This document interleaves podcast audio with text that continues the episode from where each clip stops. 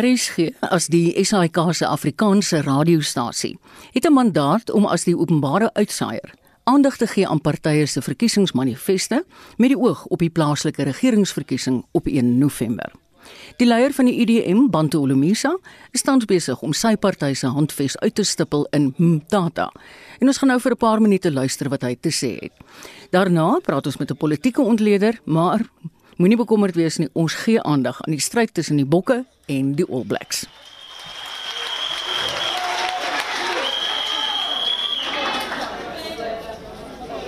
In so far as the plea from our ward candidates to be assisted with posters, we have some good news. The UDM will be footing the bill for those posters.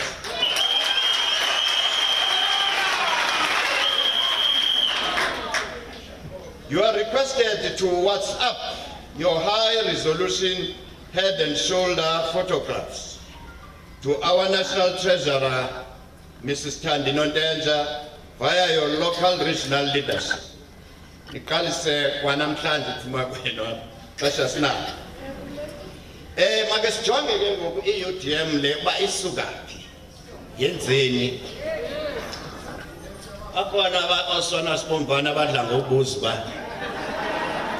nenze ntoni neleyo endibomi obituary yabo yethu yayibhalwe kwango-1999 ngokokwabo befana basekho emhlabeni.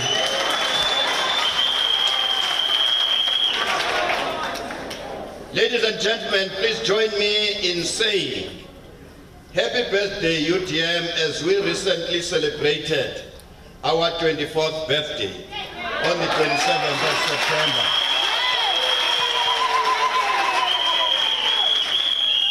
Yet another achievement is that this will be the fifth municipal elections in which the UDM will participate since our inception in 1997. The UDM and its leaders have always operated from a non-partisan position with a view to achieve social cohesion and transforming South Africa into a winning nation. The UTM was instrumental in agitating for the abolishing of immoral floor crossing legislation, which is no longer on our statute books. It was a founder member of the Tutuga, rather, I was a founder member on TV live. eh, of the Tutuga project in collaboration with the South African Institute of Chartered Accountants and others. This project developed study guides in English, maths, and accounting and produced more black chartered accountants of which speak today.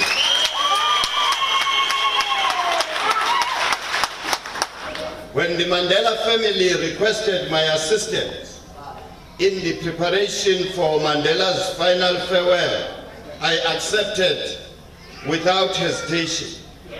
During the conference of the parties, that is COP17, we assisted the planting of 35,000 indigenous trees in the Zulu kingdom whilst under the, the, the reign of His Majesty, the late King Goodwill Zwelitin as part of the fight against climate change. When our soldiers threatened to rebel due to bad services, service conditions in the South African National Defence Force, we stepped up to the plate when, President, former President Jacob Zuma and then Defence Minister Lindwesi Sulu asked for assistance and successfully quelled the threatening uprising. I served on the National Defence Force Service Commission when mandated to do so by the Portfolio Committee on Defence and Military Veterans. When COVID-19 last year, eh, coming closer to you, eh, hit our shores, I raised around 750,000 rand in donation to purchase PPE, PPE eh, eh, and uh, for around 32 health centers and hospitals in the Eastern Cape near Yazdi. We recently joined forces with the South African Federation of Trade Unions, that is SAF to lead as well to negotiate with fruitful results in the dispute between Cape Town Taxi Associations. During the KwaZulu-Natal mayhem, I assisted a group of businesswomen to fundraise for food parcels for adversely affected families in Kwanongoma with the delivery made to His Excellency Mrs. Zulu, rather His Majesty Mrs. Zulu Waka Zwelithini. UDM Deputy President eh ngabayo mzikwankwa eh African Parliamentarians Association for Human Rights have been doing sterling work in Africa. He was recently appointed as the Africa representative to the steering committee of the International Panel of Parliamentarians for Freedom of Religion and Belief. Since 1999, the UDM advocated for the changing of the rules of the party political funding. The ANC and Democratic Movement dug in their heels and refused to budge for many years. Many, many years. We are now vindicated as parties are forced to declare their donations. We now also know why they were so reluctant to share that information. And one wonders what that picture would have shown over the years. Lithi. Ngo-1999 sathi makwenza umthetho othi ipati zideclaration imali ziyithathaphi ingabi kanti sifandwa ngumuntu oyi-one one-agenda yakhe okanye ikhantri ethile. Kodwa ke ngoku lo elo dabi lideske laphumelela. Ngoku ni-aware uba u-anc yena ubesurvivor ngemali ze-state trobo sasa ntontoni zonke ezo zitwela i-da yona incedwa ngongqowakulo Ek weet nie hoe goed Bosa is nie, maar dit klink my uit verwys na Survivor South Africa wat in die Oos-Kaap afgespeel het. Dit was die stem van die leier van die IDM, Bantu Holomisa. En net om julle op hoogte te hou van wat in die rugby gebeur voordat ons hierdie volgende onderhoud doen. Dit is nog steeds geen punte elk nadat Handrey 'n strafdoel ongelukkig ehm um, o Ons het 'n 3 sopas gedruk. Ening dis wonderlik. Dankie dat julle my gewys het. So dis nou 5-0. Maar wat ek wou sê is Ander het net nou 'n strafskop gekry wat hy net net wel nie net net net nog om met die hele end regs verbygetrek. Maar goed, dit is die rugby. So dis nou 5-0. Ek sal so tussen my en Dirk se geselsry sê of daai vir 5 skop oor was.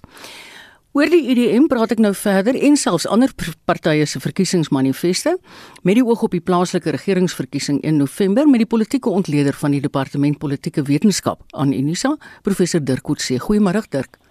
Goeiemôre Marite. Kom ons kyk 'n bietjie eers na die Minority Front wat gister sy handves bekend gestel het. Die party het voorheen 'n setel in KwaZulu-Natal se wetgewer gehad, maar dit tans net een raadslid in die eThekwini metro. Die party se leier, Shemin Takur Rajbansi, sê dit slegs kandidate in Durban en Pietermaritzburg. So dis eintlik maar 'n klein partytjie, né? Nee? Ja, dit is 'n baie klein partytjie. Ehm um, ek dink toe haar pa nog geleef het in die die leier was, was hy 'n baie meer charismatiese persoon. Sy het nie dieselfde charisma nie, sy het nie dieselfde aantrekkingskrag en 'n soort van uh, die geskiedenis wat hy gesimboliseer het nie. Ehm um, en terselfdertyd het die DA goed gedoen. Baie van hulle ondersteuners het na die DA toe gegaan ehm um, en sommige na die ANC toe, maar die die, die grootste hoeveelheid na die DA. Die Minority Front is baie gekonsentreer in Chatsworth ehm um, en dis meer die werkersklas uh, groeperings binne die Indië gemeenskap. Uh, so dis 'n relatief klein fokus wat hulle het um, en daarom is dit nie vir hulle moontlik om om baie breed uh, verteenwoordiging te kan kry nie. Mm. Ja, ek dink die charisma waarna jy verwys het van haar pa is inderdaad 'n groot faktor destyds gewees. Die PAC het vanoggend sy handves bekend gemaak en die leier van die PAC, Mzwanele Nehonso, het die ANC regering daarvan beskuldig dat die party nie landelike gebiede ontwikkel nie. Dink jy dis regverdige kritiek? Ja, ek dink dit is so. Dit is as ons kyk na die verstedeliking wat besig is om plaas te vind en die die gevolg daarvan is volgens Statistiek Suid-Afrika dat omtrent 2/3 van die Suid-Afrikaanse bevolking is reeds verstedelik. Net 'n derde woon op die platteland. En die hoofrede daarvoor is, is dat daar nie baie, baie geleenthede op die platteland is nie. In dis hoofsaaklik 'n uh, boerdery, landbou omgee aktiwiteite wat daar plaasvind, maar vir die gewone die res van die bevolking is daar nie noodwendig uh, baie sterk uh, uh, geleenthede, mm. goeie geleenthede op plaaslike vlak nie. Dink aan baie van die dorpies. Uh daar is nie meer regte goeie skole nie, daar is nie goeie gesondheidsfasiliteite nie. Uh baie mense trek net weg na die stede toe as gevolg van dit. En dit dink ek is 'n baie geldige punt van die PAC in Ek persoonlik glo dat baie van die stedelike probleme wat ons het, die informele sent, uh, sentra, die die feit dat daar soveel probleme is met uh, dienslewering, is dat die stede oor gekonsentreerd geraak het. So daar ek sou graag wil sien dat daar 'n vorm van desentralisering moet plaasvind of 'n dekonsentrasie moet plaasvind. En dit dink ek wat die PAC onder andere in gedagte het. Hoewel hulle fokus is natuurlik nog altyd vanaf 1959 op die grond gewees in grondhervorming um, en verandering van die besit van grond. Dit was hulle hooftema nog altyd. Dirk gee my net 'n oomblik. Ek wil net sê die jongste telling by die rugby is 5-3 in die guns van die Bokke. Goed, kom ons gaan terug na wat jy nou gesê het. Dis 'n party wat agteruit boer. Onder meer ook as gevolg van dekades lange leierskapstryde. Ja, ehm um, toe hulle wel hulle is eerstens in 1959 gevorm, dit was 'n splintergroep wat uit die ANC uit weggebreek het spesifiek oor die beleid van grond en die Vryheidsmanifest en ook die teenwoordigheid van die kommunistiese partylede in die ANC. Ehm um, en terwyl hulle in ballingskap was, veral in die tyd terwyl hulle in reg in die 1960s in Dar es Salaam was, was daar groot binnengevegte. Mm uh, want hulle hooffiguur is Robert se boekwee was in aanhouding in Suid-Afrika gewees. Ja. Hulle het nie 'n Oliver Tambo gehad nie en as gevolg daarvan het daar onmiddellik faksies ontwikkel. Sommige het so ver gegaan dat dit tot politieke moorde gelei het. Dit het aangehou tot na 1990 toe hulle uh, weer uh, gewettig is, het dit voortgegaan en waar ons vandag staan is die PAC uiteindelik opgebreek in drie verskillende partye. Um, een daarvan wat die bekendste is, is die African People's Convention, mm. um, wat uh, hoofdzakelijk in Mpumalanga gezetel is. Um, en uh, Temba Gori, wat uh, voor lang tijd de voorzitter was van SCOOR, die comité over openbare rekeningen, hij was de enigste werkelijke persoon en vertegenwoordiger geweest. So die PRC en die, die persoon waar je net nou verwijt zit als de president, is als die enigste parlementslid van die PAC gevra om die parlement te verlaat omdat daar hofsaake was in die Suid-Afrikaanse howe wat sy posisie as die parlementslid uh, betwis het. Hmm. Um, so by oomblik het hulle nie werklik 'n eerste lid in die parlement nie. Um, en daar is al twee faksies wat uh, verskillende konferensies gehou het en uh, elkeen hulle eie leier of president van die PAC gekies het. Ja, is baie deurmekaar. Dirk sou jy sê die EFF se opkoms het die PAC se ondergang bewerkstellig. Nee, ek dink nie daar is 'n werklike verband tussen die twee nie. Die die ANC die PA, die EFF is baie meer gekonsentreer op die ANC. Ehm um, en wat binne die ANC plaasvind en mode moontlike lede van van om moontlike lede van die ANC weg te laat kalwer en in alle kante te kom. Terselfdertyd is die EFF hoofsaaklik gekonsentreer op jong mense en dit wat die PAC glad en geheel nie het nie, dit is meer ouer persone wat hulle lede is. Um, al wat 'n gemeenskaplike faktor is is hulle fokus op grond. Ehm um, en ek dink dit selfs op daardie punt het die PAC 'n ander kant as as die EFF. Sowel dit lyk asof daar gemeenskaplikheid is, het hulle eintlik twee totaal verskillende mm. filosofieë daaroor. Ek wil net sê die huidige telling is 8-3 in die guns van die bokke. Kom ons praat oor die IDM. Die leier Bantu Lumisa het nou gehoor het toepas gepraat. In hoe mate is die IDM 'n faktor in die Oos-Kaap? Hulle was 'n faktor gewees uh die afgelope jaar in Nelson Mandela Bay. Uh hulle het een hulle twee setels daar gehad. Een daarvan is Bobani wat eintlik uh, en moet ek moet sê hulle was deel van die koalisie gewees met die met die DA wat gelei het tot, tot die regerende koalisie daar. Ehm um, die EFF het minder van 'n rol daar gespeel as byvoorbeeld in Johannesburg of in mm. in Tshwane. Mm. Um, en die gevolg is, is dat daardie twee setels van die UDM baie effektief gebruik het deur hulle om uiteindelik ook van die DA ontslae te raak in die DA koalisie en om hulle te probeer nou te skaar in 'n ANC koalisie. En as deel van daardie skuif wat hulle gemaak het, het hulle die burgemeesterskap gekry. So hulle het baie prominensie gekry. Mm. In die verlede was hulle en dis hoekom ek dink hulle vandag weer by om uh om daar uh om daar uh hulle uh, uh, vergadering het of hulle om om hulle verkiesingsveld uh manifest te loods is dat dit hulle hoof fokus is. En want hulle mense ons weet almal was die vorige leier van die ou ontate af van die ou transkei gewees. Um, en dit is hoofbasis en dit is ook waar die UDM die enigste uh, plaaslike owerheid wat hulle uh, beheer het vir 'n tyd lank was die die munisipaliteit van Ontario dit word genoem die koning Sabata Dananjebo munisipaliteit maar hulle het dit in die tussentyd verloor en die hmm. ANC is nou in beheer daarvan. Maar die ongeluk is en dit wat ons nou ook hier gehoor het in hierdie insetsel is dat die UDM is Bantolemisa. Dit is ongelukkig. Dit is 'n soort van 'n persoonlikheidskultus wat rondom hom ontwikkel het veral nadat Rolf Meyer as die medeleier uh, onttrek het. Um, ja. Het dit het dit eintlik ontwikkel in 'n Oos-Kaapse of selfs nog meer 'n kanskei gebaseerde party. Hoewel mens moet sê en byvoorbeeld in Tshwane, sowel as in Johannesburg het hulle een of twee uh, verteenwoordigers.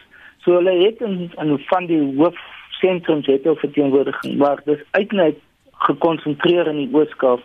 Um, en dan baie maar tot 'n groot mate rondom Bantolemisa. Die probleem van die party is hy het vir myself gesê dat hy gaan met die 2024 verkiesing gaan hy aftree. Gaan hy uit die politiek uit. Um, en of daar iets van die UDN dan gaan oorbly na hom twyfel ek baie sterk oor.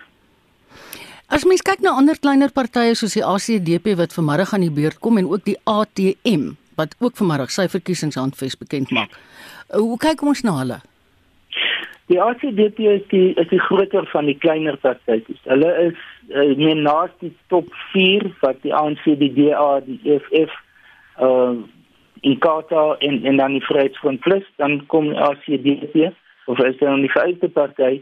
Ehm um, alles verrand lank reeds daar en hulle het 'n baie gevestigde ondersteuningsbasis wat stabiel bly maar dit raak man so betrag nie minder of meer nie. Hulle het op die oomblik 4 lede in die parlement. Hulle het nie 'n baie spesifieke konsentrasiepunt in Suid-Afrika soos van die ander partye soos die UDM in die Ooskaap en Kota of IFP in KwaZulu-Natal. Mm uh, of goed in die Weskaap en die Noord-Kaap nie. Hulle is meer versprei en as gevolg daarvan is dit hulle moeilik om byvoorbeeld genoeg steun te kry om wyke te wen. Hulle kry hulle ondersteuning hoofsaaklik deur proporsionele verteenwoordiging wat beteken dat hulle stemme is relatief versprei maar in totaliteit het hulle genoeg om 'n paar setels te kry in 'n in 'n ja. en dan het hulle natuurlik 'n belangrike rol gespeel in beide uh Tshwane en Johannesburg as deel van die koalisies wat wat die DA gevorm het. So ja. hulle is een van die koalisievennote van die DA gewees vanaf 2016 tot nou. Ehm um, maar dan het hulle ook natuurlik in Johannesburg hulle hulle rug op die ANC op die DA gedraai. Toe hulle die ANC la, laas ondersteun het ehm um, in die verkiesing van die uh, van van die burgemeester. So uh, die rol wat hulle vorentoe gaan speel is is onduidelik maar um, ons weet almal hulle fokus op 'n uh, eh, op op op 'n religieuse basis. Ja. Um, en daar's baie mense wat op op grond daarvan um, sterk ondersteuners en aanhou om hulle te ondersteun. Dirk, ja, ek het gehoor wat jy nou sê dat dit hoofsaaklik uiteindelik met hierdie kleiner partye gaan oor koalisievorming, né? Ja, dit is die die basis waarop hulle ek dink 'n invloed kan uitoefen hmm. en dit het reeds 'n impak gemaak. As As jy mense lys maak van kleiner partye wat op een of ander plek in 'n deel was van 'n koalisie, is dit raak dit redelik lank. Um die National Freedom Party in KwaZulu-Natal is 'n ander goeie voorbeeld daarvan. Um ek weet nie nou dat hulle leier uh, ongelukkig oorlede is uh, of wat hulle uiteindelik hulle toekoms gaan wees nie, maar hulle was op 'n stadium 'n sterk dus, uh, party gewees in 'n koalisie met die ANC in KwaZulu-Natal. Dieselfde as 'n ander splintergroep uit die ANC wat hoofsaaklik in Matatiel gevorm is, die African Independent Congress wat nou weer 'n koalisie gevorm het met die ANC in Ekurhuleni. Ehm um, en dan soos ek genoem het die verskillende partye saam met die saam met die DA, mm. die ehm um, RCDP, die UDM Cope, ons nog nie eintlik gepraat oor Cope nie, maar Cope is een van die partye wat ook ek nou in terme van prominensie baie teruggesak het. Ja. Maar hulle is almal partye wat om as hulle een of twee uh uh setels het, is dit dikwels wat nodig is om 'n koalisiegroepering volledig te maak en dis dan waar hulle hulle rol kan speel. Baie dankie Dirk. Dit's professor Dirk Coetzee, 'n politieke ontleder aan die departement politieke wetenskap by Unisa.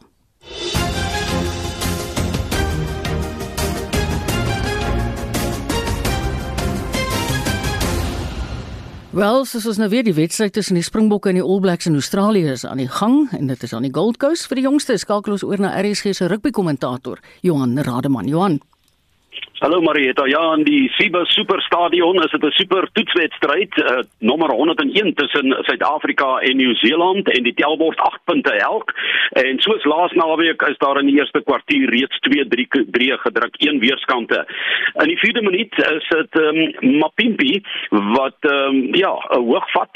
Jy weet daar meer um, hy is hoog gevat en daar was 'n strafdoelpoging. Ek dink Marieta, jy het daarna verwys. Dit was ongelukkig mis. Dit was 'n ja. verskuinskop, ja. 5 meter van die kantlyn af 10 meter stippellyn maar dit was 'n 'n lange vir Pollard gewees mm. en uh, net daarna het ons 'n magnifieke stukkie werk gesien van Lukanye aan met 'n bal hier agter die rug om aangegee het vir uh, Sebune Kosi en Damien Allende het in die uh, vleuelposisie opgeduik om te gaan druk en af te rond en Pollard tref die linker reg op paal. Maar nou kruip hy al nader in, met sy skopwerk want dit is 5-0 die eerste 3 in hierdie toetswedstryd 2 minute later Jordi Barrett wat ehm um, nadat ehm um, uh Lucanio om uh, oortree het as 'n talende wat terugpraat met die skeieregter Matthew Kali en hy maak dit 'n baie maklike strafskop 'n 10 meter nader op die uh, kwartlyn die telbord 5-3 nog steeds in die guns van Suid-Afrika. In uh, die 11de minuut is dit dan 1-3 vir Pollard toe hy wel met 'n strafdoel poging slaag en ons met uh, 5 punte laat voorloop die Bokke 8 punte teenoor 3.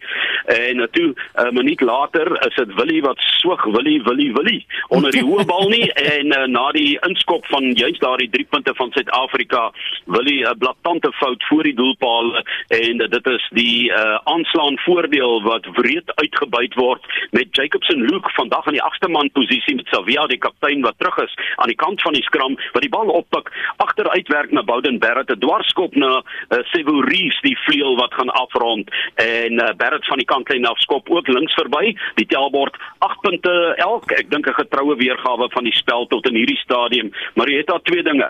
As jy fout maak, straf die All Blacks jou en iets anders. Hulle respekteer vandag die telbord en hulle skop palle toe wanneer hulle binne tref ja. afstand is en nog ja. nie kantlyn toe nie. Dis die vernaamste ding in 'n losserige wedstryd tot dusver, maar dis 8 punte elke in die 17de minuut van die eerste helfte. Johan, het jy Eben Etzebeth se gesig dopgehou. Ek het dit laasweek ook gesien. As hulle daai HK doen, dan kyk hy so met absolute afgrys na hulle. Dit is my so oulik. ja nee, dit is so maar het dan wat interessant was, TJ Perenara wat die uh, HK gelei het, hy sing voor in die koor, maar hy's nie in die eerste 15 nie. Hy's op die bank vandag, ja. maar daai oë, né, wat so dwars deur jou kyk. Ek is bly ons is aan sy kant in Suid-Afrika. Johannes ons om nou nou weer by jou dan gaan ons voort met jou uh, verslag oor wat by die rugby aangaan. Dankie. In ons weeklikse motorrubriek bekyk Wessel Pretoria se nuwe voertuigverkope en hy bespreek 'n luisteraarsbrief asook die motor van die jaar.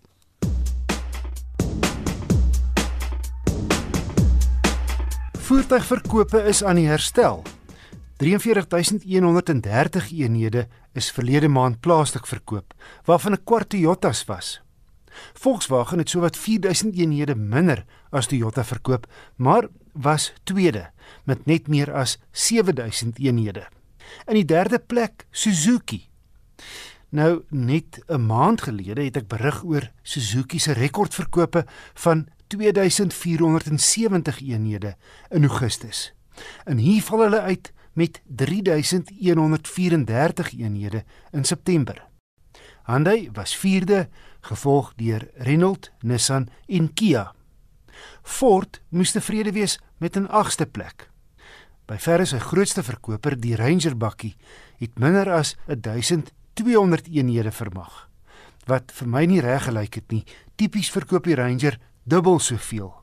By navraag het Ford Suid-Afrika erken dat die wêreldwye tekort aan mikroskyfies sy produksie by sy Silverton aanleg in Pretoria kniehalter. Alwel was die 9de beste verkoper en Isuzu 10de. En so gepraat van die tekort aan mikroskyfies, ook bekend as halfgeleiers. 'n Luisteraar Johan Petersen skryf dat hy op soek is na 'n nuwe Toyota of Volkswagen 5-deur voertuig, maar sukkel om by handelaars reg te kom as gevolg van die tekort aan hierdie skyfies. Hy noem ook dat demonstrasiemodelle met enigiets tussen 100 en 2500 km teen hoër pryse aangebied word as die vervaardigers se geadverteerde nuwe pryse. Hy skryf dit lyk of die tekorte ook oorspoel na die gebruikte mark en noem 'n geval van 5 jaar ou Hilux bakkies met om en by 50000 km wat verkoop is teen dieselfde prys as toe hulle nuut was. Johan ek het by Rudolf Mahoney gaan kers opsteek. Hy is die nasionale verkoopsbestuurder in Wesbank se vlootafdeling. As jy mens kyk na die die vraag en aanbod dinamiek wat in die land ehm um, heers, sien 'n mens uh, eerstens dat die die vraag na nuwe voertuie uh, het nie minder geword nie. Mense gedink het dat mense minder koop na Covid en die ekonomiese stres wat die land ondergaan. Ehm um, is dit wel nie die geval nie. Uh, as ons kyk na Wesbank se aansoeke, gemiddeld ons omtrent 25 of 26000 nuwe aansoeke elke maand en dit vergelyk baie goed met voor Covid uh, die die 2019 jaar. So dat dat, dat het glad nie 'n afname getoon in die die aanvraag vir nuwe voertuie nie. Die skyfie probleem dat dit natuurlik aan die voorsienkant van voertuie het dit 'n groot impak gehad. So uh, handelaars het nie altyd die voorraad beskikbaar vir die verbruiker nie. Die gevolg daarvan is natuurlik die impak op prys. Wat ons sien is as mens kyk na die periode Januarie tot uh, September uh, 2020 was die gemiddelde transaksiewaarde wat Wesbank gefinansier het uh, vir nuwe voertuie R314 000. As jy mens kyk na die vergelykende periode hierdie jaar, Januarie tot September 2021, het die gemiddelde finansieringsbedrag R356 000. So die prys uh, van nuwe voertuie het definitief opwaarts gegaan. En as 'n mens kyk na die gebruikte mark tot hoe mate het hierdie uh, mikroskyfie tekort 'n uh, impak op die gebruikte mark? Ja, so dit het 'n baie groot impak. Die gebruikte mark maak staat op die nuwe mark natuurlik om voertuie in die gebruikte mark in te stoot en is daar ook 'n tekort aan goeie gebruikte voertuie. Die impak op pryse is natuurlik dieselfde. Ehm um, as ons kyk na die periode Januarie tot uh, September 2020 was die gemiddelde uh, finansieringsbedrag 231000 en as ons kyk vir die vergelykende periode hierdie jaar is dit 275000 rand. So gebruikte karre se pryse het net so baie opgegaan. En uh, volgens die luisteraar ontstaan die situasie nou selfs dat 'n goeie gebruikte voertuig duurder kan wees as 'n nuwe voertuig. Uh, ek sou nie heeltemal so sê nie. Ek dink wat ons gesien het in die in die mark is Alhoewel as jy kyk na die um, inflasie syfer op nuwe voertuie, is die laaste gepubliseerde persentasie ek dink hier rondom die 5%. Wat mense dalk nie sien in hierdie syfer nie, is voor die tekorte wat ontstaan het, het die vervaardigers baie aggressiewe bemarkingsveldtogte gehad om natuurlik kopers te lok na hulle uh, handelsmerke toe en het hulle baie teruggegee vir die verbruiker uh, in terme van afslag of wat hulle noem money on the bonnet of inruil assistent uh, programme en daai bemarkingsaktiwiteite het baie afgeskaal. So hulle gee baie minder terug vir die kliënt want hulle weet die aanvraag is baie sterk en die voorraad is nie daar nie. So so dit is ek dink die die grootste verandering wat ek gesien het in die mark. Rudolf, omdat die aanbod dan nou in sekere gevalle laer is, moet voornemende kopers maar net geduldig wees en langer wag. Ja, ons sal maar sien hoe die hierdie hele ding moet homself gaan uitspeel. Die pryse sal nie weer afkom nie, dit is verseker, maar ek dink wanneer die voorraad weer sterk is, dan sal die aggressiewe bemarkingsveldtogte weer begin. So dan sal daar weer geld teruggegee word vir die verbruiker. So nou is is 'n is dalk nie die beste tyd prysgewys om 'n nuwe voertuig te koop nie. Die probleem is dat jy weet uh, voertuie is besig om uit hulle diensplanne uit te hardloop en mense is besig om te betaal vir vir die onderhoud van voertuie. So in sommige gevalle moet 'n mens net maar jou voertuig inruil want die koste raak net astronomies. En dan dan is dit dalk nie lonend om te wag nie. So 'n mens moet maar kyk na die situasie in jou eie voertuig en as jy nog 'n bietjie langer kan hou, is dit dalk nie 'n slegte idee nie, maar ja, dit is dit hang maar van die verbruiker af. Rudolf, uh, so op die ou end die uh, hoër pryse in die gebruikte mark, dis maar 'n kwessie van vraag en aanbod of hoe? Ja, so ek dink dit is absoluut 'n basiese ekonomiese prinsip wat hier so uitspeel en dit gaan maar net oor vraag en aanbod en en omdat die vraag meer is as wat die aanbod is, is pryse besig om op te gaan. Dit dit werk so in alle aspekte van verskillende markte in in, in die wêreld. So ek dink dit is maar net iets wat in die, op hierdie oomblik uitspeel. Rudolf Mahoney van Wesbank. Moedernavraag kan aan my gerig word deur te e-pos na wissel@rsg.co.za. Die Suid-Afrikaanse Gilde van Motorjoernaliste het hierdie week Peugeot se 2008 'n voorwielaangedrewe kruisvoertuig as Suid-Afrika se 2021 motor van die jaar aangewys. Die Fransman het 23 finaliste uitgestof om die gesogte titel in te palm. Die voorsitter van die Gilde, Karl Weppener. Dis 'n fenominale voertuig. Ons het hom gaan toets. Ons is uitgenooi na die uh, bekendstelling toe en Stellantis wat die hele Peugeot groep oorgeneem het, het geen doekies omgedraai nie en gesê luister julle gaan grondpad ry, julle gaan teerpad ry, julle gaan goeie pad ry, julle gaan slegte pad ry, ry en kom sê vir ons wat dink julle? En soos dit toe nou wil hê het ons een van hierdie Mpumalanga donderstorms wolkbreuke gehad op die grondpad dat ek nie gedink het daai voertuig gaan dit maak nie. En selfs die dames wat bestuur het, nie een van hulle het ooit in daai modder vasgesit nie. En ek sê vir jou, dis modder van 9 tot 15 cm dik. Ja. Daai Peugeot het homself gedra. Die brandstofverbruik was goed. Die gerief van die voertuig is goed. Die afwerking was pyk. So ons het regtig dit geniet om in daardie voertuig enige plek te kon ry. En elke keer wat ons met mense gesels het wat ook getoets het of van die publiek is, het, sê weet jy, die voertuig is nog mooi ook. En as jy gaan kyk wat mense sê hulle stel ook belang en sê hulle hoor die, die estetiese is daarom ook baie belangrik. Ja. En my betref en die jury as sulks was daar net geen ander voertuig wat in daai kategorie geval het van die estetiese waardes nie. Kaal en Deesta stel julle in uh, verskeie kategorieë wenners aan. Kan jy miskien vir ons net uh, die wenners in elke kategorie gee asseblief? Ja, op die begroting kategorie is die Toyota Starlet. Dan die kompakte kategorie is die Hyundai Venue. Die kompakte familiekategorie is dan ook die Peugeot 2008. En dan die familiekategorie is die Audi A4. Die premium kategorie is die BMW 4 series. Die adventure kategorie is die Toyota Land Cruiser Prado. Die dubbelkajuit kategorie is die Toyota Hilux dubbelkajuit. Die sport kategorie is die Porsche 911 Turbo S en die nuwe kategorie is die Porsche Taycan soos hulle dit noem. En dan net vir interessantheid het ons dan ook die motorentoesias kategorie gehad waar die Mercedes-Benz E-klas die wenner was. Ag en ek dink die ander ding is, jy weet, die hele kompetisie as jy nou gaan vat dat ons alles in ag neem voor ons kategorieë na kyk, dan het ons ook die juriese se seleksie gehad wat gegaan het oor uitnemendheid. En daar het die Peugeot 2008 dit ook geneem. Sywer net gebaseer op die rou tellings wat ons gehad het van die jurylede. Karl Wippener, die voorsitter van die Suid-Afrikaanse Gilde van Motorjoernaliste. En dit was Wessel Pretorius ook vandag se redakteur. Ons is terug by Johan Rademan vir hierdie finale wedstryd tussen die Springbokke en die All Blacks in Australië. Johan.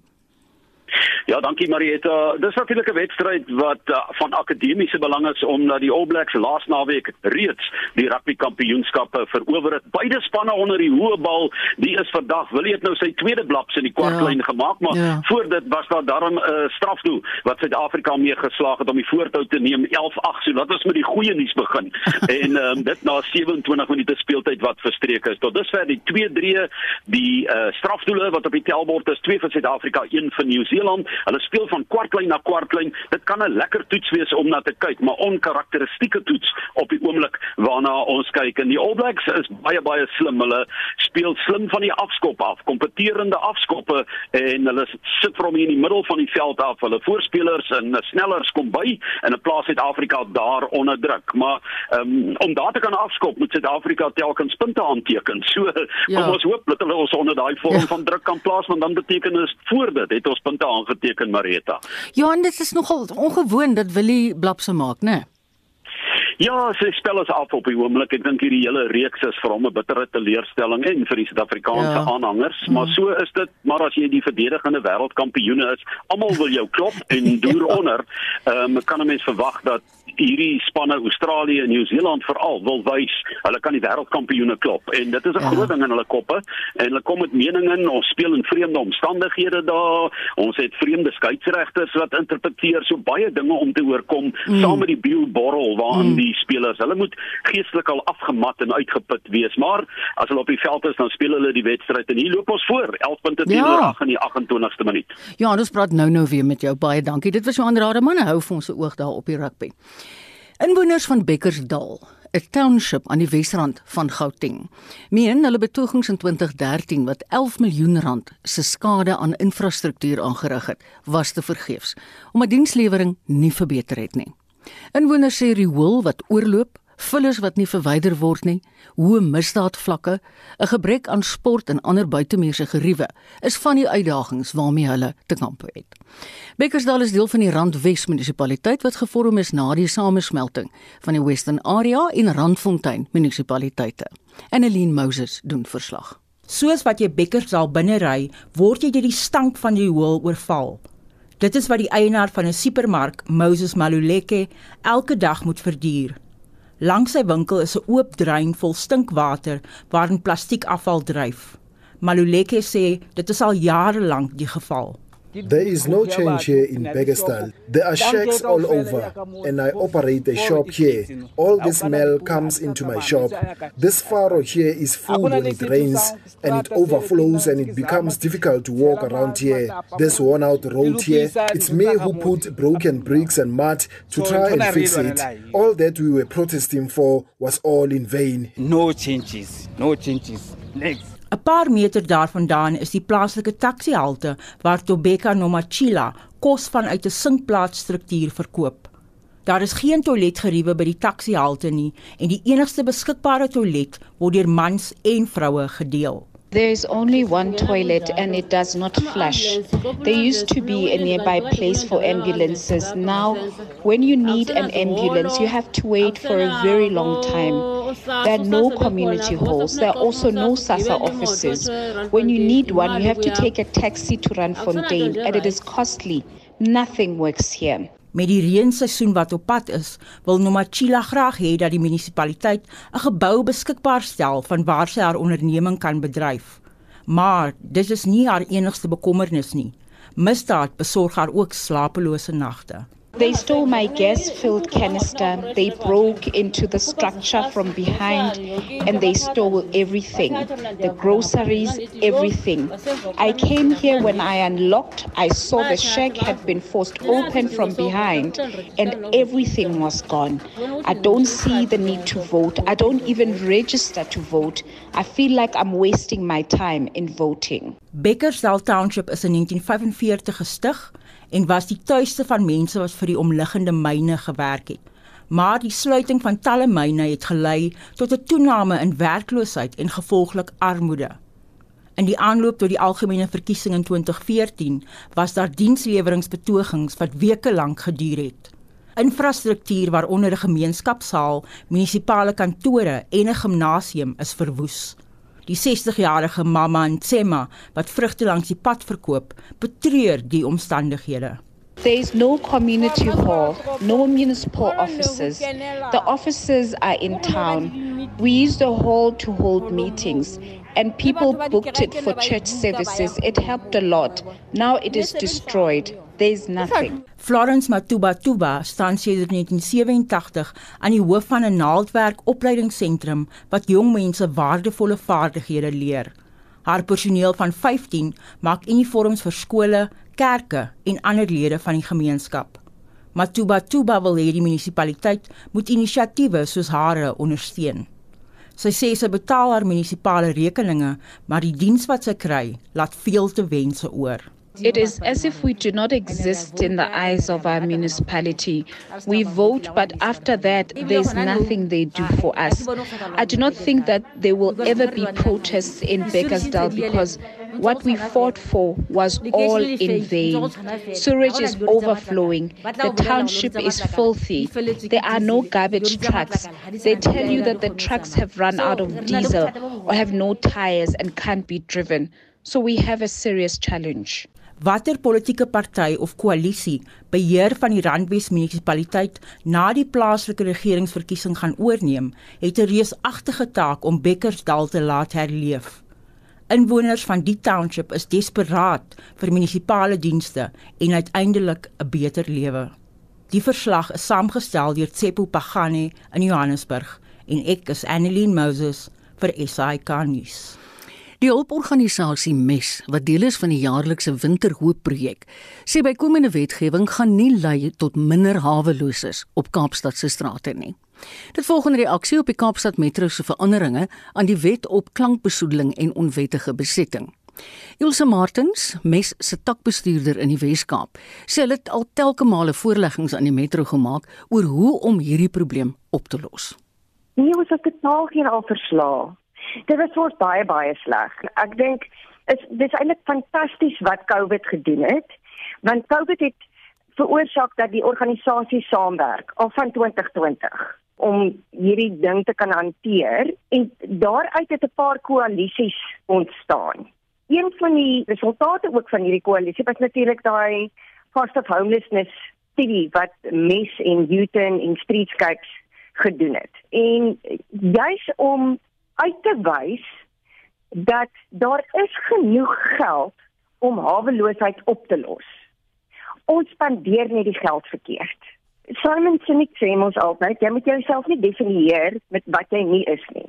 Ons praat ons altyd van die non-profits en net en daarom hou ons daarvan om te sê ons is for impact organisations.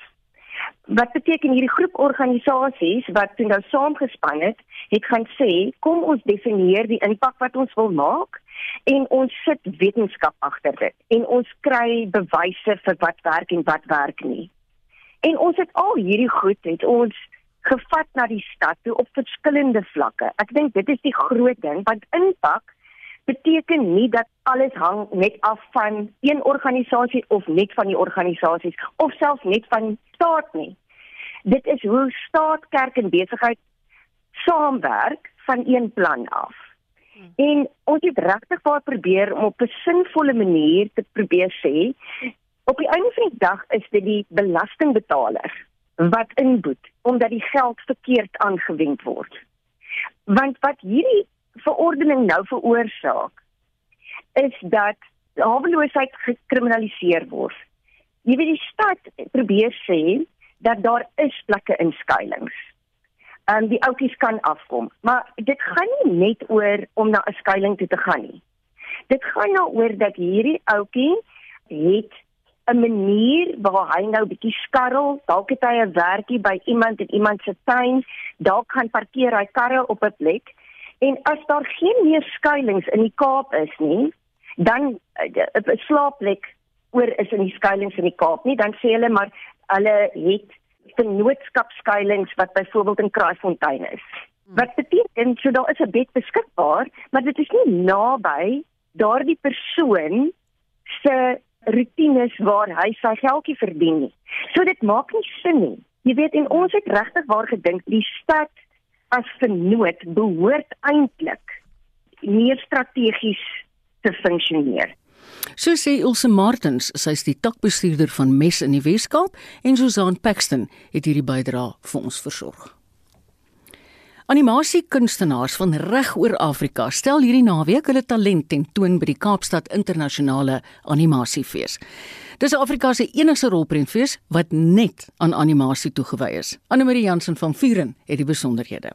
Die direkteur van die Kaapstad Internasionale Animasiefees, Diane Makings, sê hulle doelwit met vanjaar se fees was om werklik weer rolspelers in die bedryf bymekaar te bring.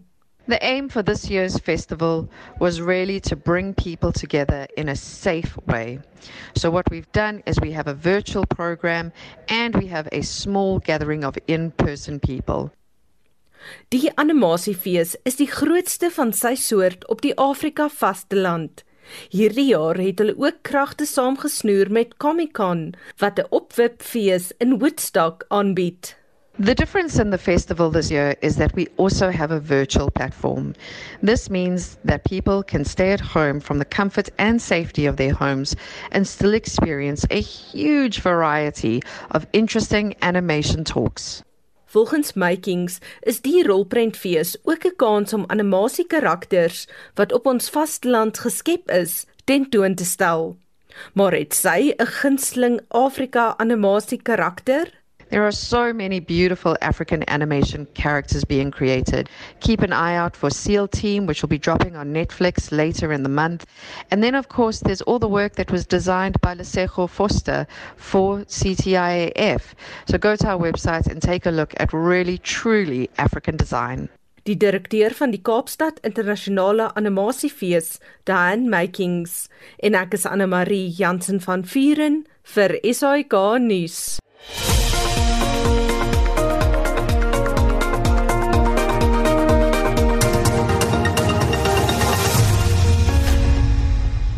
Jy luister na Naweek Aktueel op RSG. Ons gaan nou-nou weer oorskakel na Johan Rademan op die oomblik. Is die telling vir Suid-Afrika 11-20. Met ander woorde, Nieu-Seeland loop voor, maar ons sluit nou-nou by hom aan.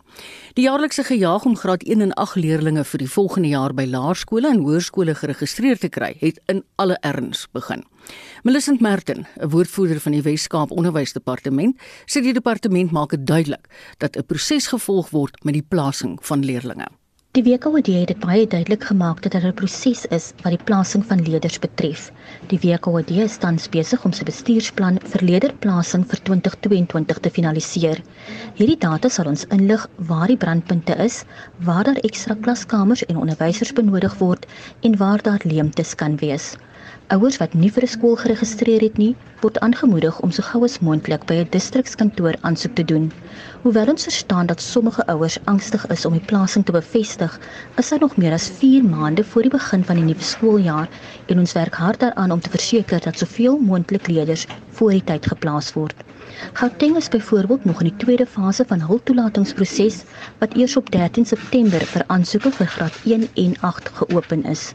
Ons het begrip vir die angstigheid wat sommige ouers mag ervaar en ons werk hard om hulle te help. So sê Millicent Merton, 'n woordvoerder van die Wes-Kaap Onderwysdepartement. Nou ja, ons is hier op 'n baie baie moeilike punt in hierdie wedstryd, maar Johan kan ons gou by jou aansluit terwyl jy op die skerm hou.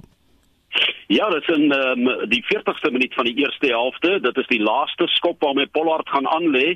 Suid-Afrika 11, Nieu-Seeland 20. Dis nou in die eerste helfte en die rustydtelling bring ons so uh, binne trefafstand van daardie telling want dit is nou 14 punte vir die Bokke en 20 punte vir Nieu-Seeland. Maar die tellbord wat intussen um, verander het in die guns van Nieu-Seeland. Suid-Afrika is um, wat die gebiedsvoordeel betref op die oomblik sterk in die lug, maar nie op die tellbord nie. Die All Blacks het met 'n magnifieke 3 weer voor in dag gekom, maar um, kom ek sien net vinnig hoe dinge gebeur het in hierdie kragmeting vir die luisteraars wat 'n bietjie later ingeskakel het. In die 6de minuut Damian Dalende wat gaan druk magnifieke agter die rug aangee na Sebune Kosi wat hy gaan afrond het en, en dit is um, Damian Dalende met die 5 punter met Pollard wat um, nie slaag met die strafdoelie 5-0. 2 minute later is dit Jody Barrett wat met 'n strafdoel slaag. Dit is 5-3.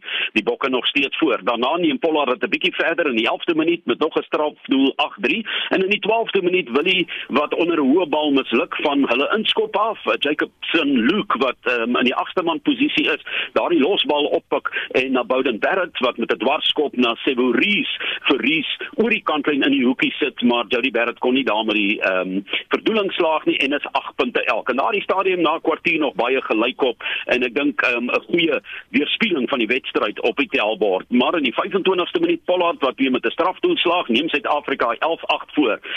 'n baie baie goeie aanval um, wat ons gesien het van uh, Suid-Afrika maar ongelukkig waarmee ons nie beloon is nie is um, so 'n breekie hier van die kwartlyn af van die hakker Bongi en Benambi en hy gaan druk daar waar die spons en die lyn bymekaar kom druk hy kort hy verloor die bal en ongelukkig nie 'n 3 nie. Maar toe 'n skitterbreek van Boudi Bouden Barrett um, en uh, Rico Johani staan vir Willie Leroux af en hy gee vir sy kaptein Adi Savia wat gaan druk en Jordi Barrett wat voldoel en uh, dit is die All Blacks nou in die voortou met 15 punte teenoor 11. Bouden Barrett weer na skop is dit um, uh, Anton Linet Brown op die hoekvlag wat skitterend gestuit word deur Sebo Nkosi met sy verdediging daar kruisverdediging magnifiek anders was die telling nog hoër maar toe 'n flagrante lyn staan fout Suid-Afrika mm. die weer op die doellyn 'n bal af en um, dit is uh, Brody Retallick wat steel en Webber die skramskakeltjie deur dit word nie verdoel van die kantlyn af nie en die rustuittelling 20 punte vir die All Blacks 11 vir die Bokke Ja, ek dink almal het nou versterking in rustyd nodig want Hening dis am naalskou hè Johan. Maar goed, ja, jy gaan jy, jy gaan vanmiddag verder uh, verslag doen of nie? Ja, ek gaan uh, sommer net so na 1 oop. Maar okay. ons sê Pollard het ook met die finale strafdoel geslaag wat ja. bring na 6 punte verskil, né? Ja, 14 ja. 20 nou die agterstand van die Bokke. Ons is nog aan die wedstryd, Marita. ja, soos jy sê dis haalbaar, is heeltemal haalbaar. Baie dankie Johan Rademan. En uh, soos hy gesê het, hy's net na die 1 uur nuus sal Gustaf weer na hom toe oorskakel en dan hoor ons wat teen daai tyd aan die gang is. Gustaf sit gereed in ons Afrikaanse ateljee vir die 1 uur nuus. Ek groet namens die uitvoerende regisseur Nico Nicoline de Wee. Vandag se redakteur Wessel Pretorius, tegniese regisseur Daitrin Godfrey. En ek wat Marieta Kreer is, groet tot maandag.